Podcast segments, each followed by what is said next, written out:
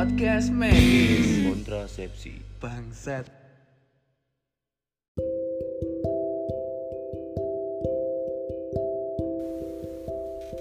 Oke, selamat malam para pendengar. Bertemu lagi dengan gue Zikri Muhammad Gifari di POMED Podcast Medis. Seperti biasa, kita akan membahas hal-hal berbau medis, kesehatan seperti lifestyle, penyakit, kebijakan kesehatan dan perkembangan ilmu kedokteran terbaru. Oke, sebelum itu, pertanyaan penting malam ini adalah gimana malam minggu kalian? Kayaknya sih pada diem ya di rumah ya. Atau mungkin baru jalan gitu sama doinya baru dianterin pulang atau lagi di mobil juga pokoknya oke okay lah yang di rumah gak usah iri ya atau cemburu atau khawatir karena Pomet akan selalu hadir insya Allah setiap hari eh setiap hari lagi setiap malam minggu menemani kalian spesial oke okay? Terus gue juga mau ucapin terima kasih atas apresiasi kalian untuk episode 1 kemarin Responnya sangat beragam ya dari respon positif hingga saran-saran yang membangun agar podcast ini bisa lebih maju. Gue sangat berterima kasih untuk itu. Karena energi positif dari kalian juga akhirnya gue semangat untuk melanjutkan pomet ke episode kedua. Oke, episode 2 kali ini kita akan membicarakan tentang narkoboy atau kata bakunya adalah drug abuse. Gila, penyalahgunaan obat-obatan. Tema ini disarankan oleh teman gue, thanks banget. Kadang gue suka bingung gitu mau mau kasih judul apa ngapain gitu kan. Tanya aja teman gue action gue bikin gitu. Oke dimulai dari Indonesia sendiri. Memiliki badan lembaga khusus tentang drugs atau narkotika itu BNN ya yang selalu siap memerangi penyalahgunaan obat-obatan di Indonesia. Terima kasih sekali BNN Oke, kita masuk ke narkoboy. Mungkin kalian sering dengar nih kata-kata obat-obatan terlarang. Sebenarnya gue nggak terlalu setuju dengan kata-kata seperti itu ya obat-obatan terlarang ya. Karena secara medis obat-obatan itu sering digunakan oleh tenaga medis untuk mengobati pasien. Karena efeknya dan fungsinya obat-obat ini ada kegunaannya untuk beberapa, beberapa penyakit dan tindakan seperti beberapa penyakit mental kan gangguan jiwa dan juga tindakan-tindakan operasi misalnya. Cuman ya begitulah ketika salah digunakan dan tidak sesuai indikasi sangat berbahaya bagi tubuh. Dan melanggar undang-undang tentunya. Itu sih yang bahaya. Melanggar undang-undang kena penjara lu. Oke? Okay? user narkoboy ini di Indonesia sebanyak 2,3 juta jiwa. Dan didominasi oleh generasi muda. My god generasi muda Indonesia mau ke mana nih 2,3 juta jiwa ini? Untuk Indonesia sendiri masih banyak ya user ini. Ya gue gak tahu menaun nih kepentingan mereka untuk apa gitu menggunakan obat-obatan ini. Karena setiap uh, alasannya itu berbeda-beda gitu. Setiap orang ceritanya itu selalu pengalamannya itu selalu berbeda-beda gitu. Kayak niatannya itu beda gitu. Ada yang sekedar untuk rekreasi gaya-gayaan ada yang berdalih untuk mencari inspirasi ada yang mengaku hanya untuk lari dari depresi atau masalah. Pokoknya banyak. Niat uh, apa latar belakangnya mereka make gitu. Dan ada juga nih yang ini manusia unik nih ada juga nih yang make tanpa tujuan apa pun dan dia tidak mengalami adiktif gitu ada nih orang yang oke oke aja gitu uh, dikasih dan enggak pun dia nggak sampai beli gitu. Dikasih oke pas nggak ada dia nggak sampai beli gitu. Kalian juga mungkin punya teman gitu teman kalian yang pernah menjadi user. Ya apalagi kota-kota besar bahkan kalau gak salah di kampung juga sering ada gitu. Narkoba ini ya gimana gitu susah, susah hilangnya gitu. Karena ya pemberitaan aja nih misalnya lu lihat berita tuh pernah kan gue aja pernah gitu lihat berita seorang bandar ditangkap dan dimasukkan ke sel. Eh ternyata nih si bandar meskipun udah di penjara masih uh, masih mengontrol bisnis narkoba dia di dalam penjara gitu kan? Gimana coba? Gimana agar Indonesia bisa bebas dari narkoba ini gitu? Orang yang di selnya aja masih uh, berbisnis gitu. Kan jadi pertanyaan besar gitu. Kapan mau beresnya gitu? Kalau kayak gini terus lu tangkap juga masih beres lu tangkap masih beres nah analisis dari gua adalah edukasi dan tingkat kesadaran masyarakat melalui campaign oke di sini semua orang juga pasti berpikiran kayak gua gitu kayak oke narkoba tuh bukan cuma berantas tapi harus diedukasi dan tingkatkan kesadaran masyarakat bahwa obat-obatan ini bukan untuk kita yang sehat gitu. Walaupun ya orangnya sakit, ya jangan sampai lu ngerasa sok tahu atas diri lu sendiri bilang bahwa lu sakit terus lu beli tuh narkoboy di pasar gelap gitu. Alibinya kayak gitu. Jangan untuk menggunakan narkoboy ini dengan alibi yang seperti itu gitu kayak mm, kalau lu sakit mah ya lu ke dokter aja gitu. Jangan sok-sokan sok-sok tahu gitu kan. Ya kalau ngerasa sakit tuh ada pilihannya banyak gitu. Ada dokter ada psikiater gitu. Karena cuman dokternya yang bisa mendiagnosis lu gitu butuh atau enggak gitu kayak khususnya tuh spesialis kesehatan jiwa tuh yang paling tahu gitu. Dan marilah kita rubah mental kita untuk jadi lebih sadar dan pintar. Jangan cuma berantas. Kalau berantas doang tadi yang gue bilang kayak masih masih jadi bisnis gitu. Di sel pun dia masih berbisnis gitu. Kalau berantas doang itu nggak bakalan ada habisnya men. Pasti gue percaya itu. Tapi kalau kita tingkatkan kesadaran dan masyarakat kita lebih pintar tahu bisa mengontrol diri itu ya insya Allah sih akan berkurang tuh yang namanya penggunaan penyalahgunaan obat-obatan terlarang gitu. Eh maaf terlarang penyalahgunaan obat-obatan gitu. Lalu kenapa sih obat-obatan ini dicari? Tuh ada apa ya mang? Kenapa gitu? Kenapa dicari gitu penjelasannya ya karena yang ditimbul efek yang ditimbulkannya itu tuh yang mereka cari sebenarnya. Euforia merubah persepsi halu dan lain-lain itu adalah yang diberikan oleh si narkobo ini. Sehingga terjadi uh, pemakaian yang berulang-ulang gitu aditif tadi. Nah, terus pemakaian yang berulang-ulang terus dosisnya sekarat dewe terjadilah perubahan adiktif pada otaknya gitu bisa bikin kecanduan dan ketergantungan. Oke kita bedain ya kecanduan ini secara medis itu adik adiktif itu kan psikis ya. Dan ketergantungan ini ke uh, fisik gitu, ke tubuhnya. Merasa ketergantungan. Rusak dah mentalnya tuh kalau udah kayak gitu. Muncullah nanti yang namanya sakau gitu kan. Itu karena badannya nagih tuh sakau tuh. Dan sakau ini karena ya tadi toleransi terhadap obat yang meningkat gitu bahayanya adiktif zat adiktif ini adalah ada toleransi gitu. Jadi kayak sekali lu pakai misalnya nih misalnya nih dosis dosisnya cuma satu nih pertama kali lu pakai. Nah berikut berikutnya tuh harus nambah tuh jadi dua tiga empat gitu. Itu karena toleransi terhadap obatnya meningkat gitu. Makanya tubuhnya pengen terus lebih pengen terus lebih tuh karena itu gitu.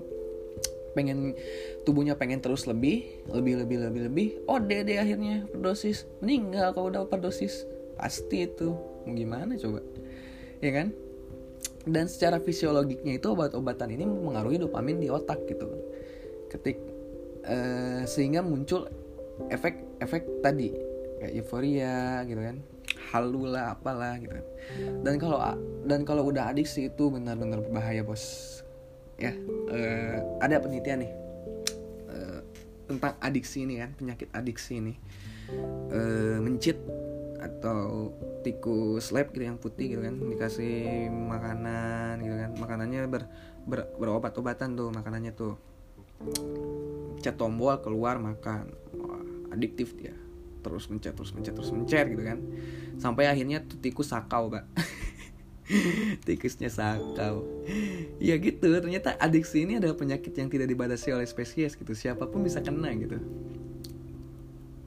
dan gue akan sebutin beberapa obat yang dipakai di medis juga dan disalahgunakan juga ya. Uh, seperti opioid nih opioid ini adalah obat penghilang rasa sakit sebenarnya tapi dia mempunyai efek euforia. Efek itu yang dicari biasanya oleh para pengguna. Itu biasanya heroin dan morfin gitu kan. Terus ada obat-obat yang sering ada di klub kayak amfetamin GHB dan PCP gitu kan. Ini sering banget ada di klub kayak GHB ini dia punya uh, nama pasarannya itu sendiri biasanya dipanggilnya itu liquid ecstasy atau ecstasy yang berwarna bening gitu kan cair gitu. Biasanya tuh orang-orang pakainya untuk kasus-kasus permukasaan gitu ya. Klub kasih tuh GHB mabuk gitu kan. Sampai efek sedasi dan euforia ada tuh. Terus ya udah dibungkus tuh cewek gitu kan. Jadi hati-hatilah untuk uh, para wanita yang sering berkeliaran gitu. Kalau lagi minum jangan suka iya iya aja kalau dikasih sama orang gitu. Bahaya. Terus amfetamin juga amfetamin ini adalah antidepresan mungkin kalian pernah dengar kan? Antidepresan untuk di medis dipakainya itu bupropion gitu kan? Itu juga antidepresan dipakai secara medis gitu amfetamin. Sejenis amfetamin, amfetamin ini. Uh, biasanya tuh dipakai dia uh, intravena kan jadi kalau lu lihat tuh teman-teman lu yang ada bintik-bintik eh bintik-bintik. Kayak ya bintik bekas-bekas uh, suntikan itu ya siapa tahu dia pemakai. Tapi siapa tahu aja sih dia habis imunisasi bisa juga. Jadi jangan asal ngejudge ya. Kalau misalnya ada nih bekas suntikan kalau lu habis habis lu make apa ya? Ternyata dia habis imunisasi kan. Ya lihat dilihat juga tuh biasanya tuh suntikannya tuh nggak cuma satu gitu. Kayak ini nyuntik ini, ini banyak gitu itu biasanya dipakainya in, uh, pemakainya intravena tadi efeknya juga euforia ya kan? Meningkatkan kewaspadaan tuh amfetamin tuh makanya kayak untuk wah kan nyari duit banyak kan amfetamin dipakai lah karena waspadanya meningkat gitu kan? Jadi lebih segar katanya. Ya kalau mau segar ya olahraga. Oke ada lagi PCP nih. PCP ini unik ya karena dia ini punya uh, efek yang bisa uh, efek terpisahnya jiwa dari tubuh gitu serem banget gitu kan lu lu minumin aja lu udah mati men gitu. Efeknya aja udah ngeliatin lu bakal mati gitu. Apalagi lu pakai gitu. Mati ntar. Apalagi kalau ada ya. Terus ada yang inhalan juga tuh yang sering dipakai tuh kayak menguap gitu kan. Yang suka dicium-cium tuh kayak lem ibon gitu. Itu isinya nitrat karbon dan hidrokarbon gitu kan. Gue pernah tahu siapa carinya nyari ngelem gitu kan. Ngerusak banget tuh apalagi dengan harganya yang murah gitu dipakai tuh sama anak-anak di perempatan tuh ada gitu selalu ada yang ngelem gitu. Buat apa gitu dek? Kasihan banget. Ke mana orang tuanya? Oke ada kokain. Kokain ini jahat sekali ya. Karena bisa menghilangkan nafsu makan dan juga hiperaktif gitu. Energi gak masuk lu hiperaktif ya udah. Kurus jadinya. Terus uh, dia juga bisa menimbulkan penyakit di jantung ya kalau OD pasti mati. Ekstasi juga sama uh, dia kejang bisa jadi mati gitu kan.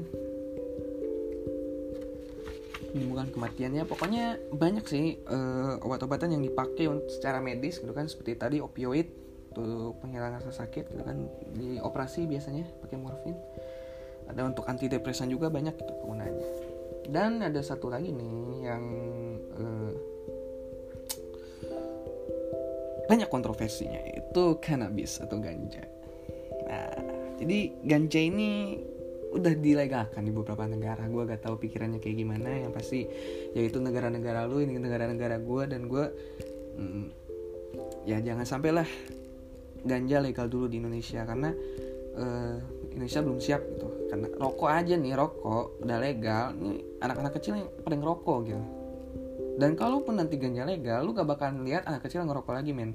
Lu bakal lihat anak kecil ngegele gitu. Nyimeng gitu. Kan mm, buat apa gitu kayak.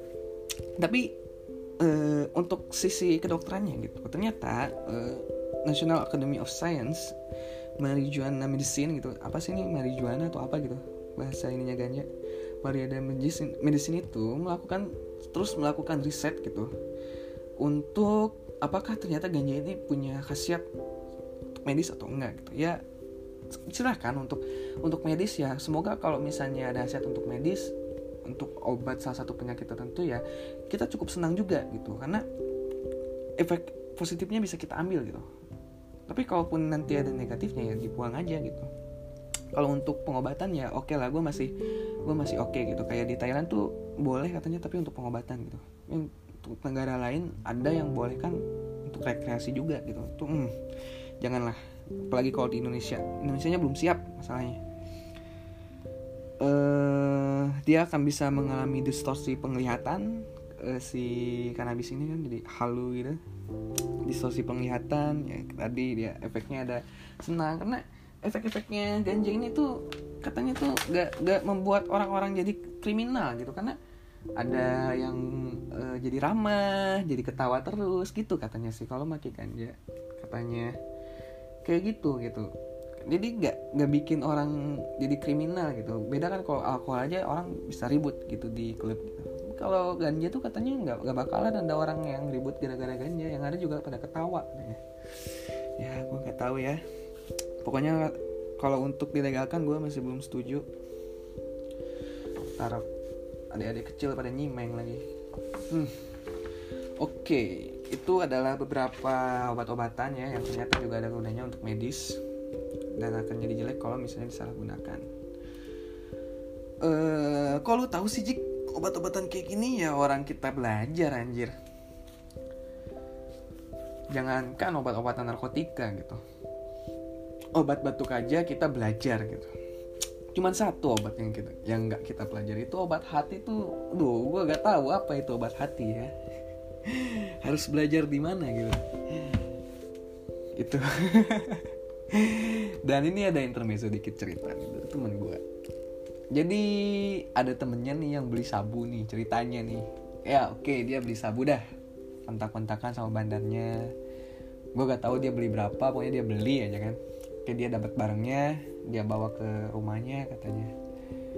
Dia mau pakai tuh. Dia icip tuh diicip gitu. Diicip ternyata asin. Wah ini mah garam katanya. Tuh kan ketipu nih ketipu apa? Jual sama narkoba gitu kan sama bandar gitu. Beli sabu dikasih garam gitu kan. Ya mau lapor polisi gara-gara penipuan ya gak mungkin juga. Lu, lu juga salah gitu kan. Yang ada lu ditangkap lagi kalau lu lapor polisi ditipu beli sabu kan. Buat apa gitu. Ya gak banyak gitu ruginya gitu. Uh, bisa ketipu lah dan lain-lain lah. Gak usah lah kayak gituan gitu. Terus efek psikologis dari narkoba juga gangguan kejiwaan, daya pikir, serta paranoid nih. Jadi kayak efek tadi kayak skizo itu kan.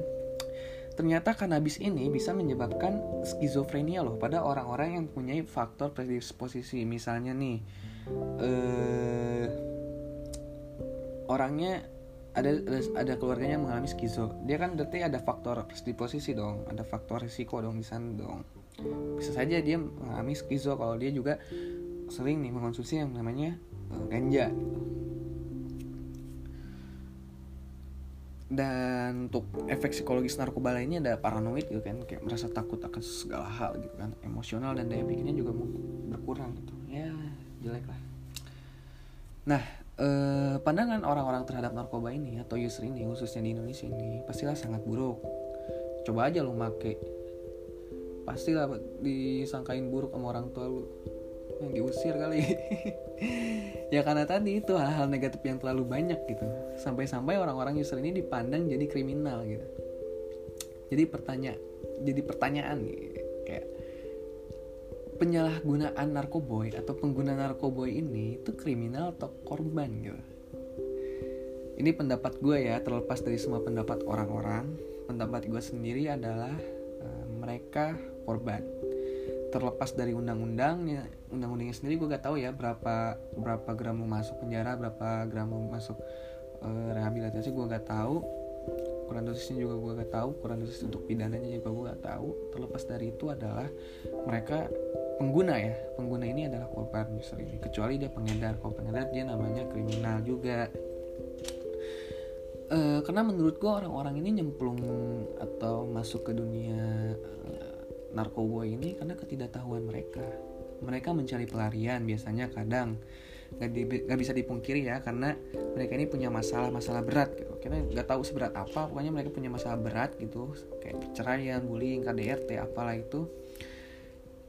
Ya peran peranan lingkungan juga mempengaruhi kenapa mereka bisa uh, nyemplung ke dunia narkoba ini gitu.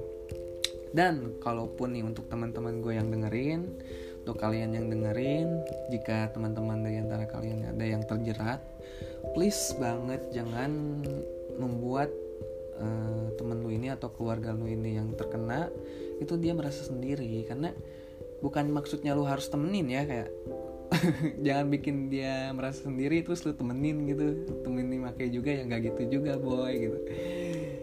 Ya pokoknya itu tidak dalam artian tidak membuat mereka merasa sendiri adalah temani saja mereka nasihati tanpa ngejudge ya karena terkadang perasaan mereka lebih sensitif. Tidak memutuskan hubungan pertemanan sehingga teman-temannya menjauh gitu. Karena kalau misalnya teman-temannya menjauh nih ini si orang user ini kan menganggap atau keluarganya menjauh menganggap bahwa Wah, ini dunia gue nih. Gue senang berada di sini dunia yang fana ini gitu makin makin dah makin makin terus makin banyak ode meninggal deh mau gak misalnya teman atau keluarganya mengalami hal seperti itu? Kan gak mau kan? Nah eh, tapi ada aja nih kadang orang-orang yang suka nyari temen gitu buat temennya kayak tawar-tawarin eh lu mau kan nih? Gue ada barang nih make yuk make yuk. Ah ini udah ini udah gila nih orangnya. Nggak takut ditangkep kali ya. Kadang ada tuh orang kayak gitu malah nyari temen dia supaya teman-teman yang lain make gitu. Dan di sini ya elunya sendiri harus kudu dan wajib menolak di sini. Karena lu sudah tahu dan istilahnya lu sudah berpengetahuan gitu setelah mendengar podcast ini akan akibatnya gitu. Lu sudah berwawasan dan sadar gitu.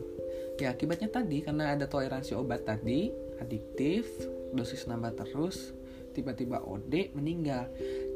Overdosis jangankan narkotika gitu atau obat-obat narkoba gitu. Obat-obat biasa aja kalau overdosis kan meninggal juga gitu. Apalagi hal kayak gini gitu yang overdosisnya tuh udah pasti gitu. Kalau misalnya uh, adik adiktif kayak gini gitu.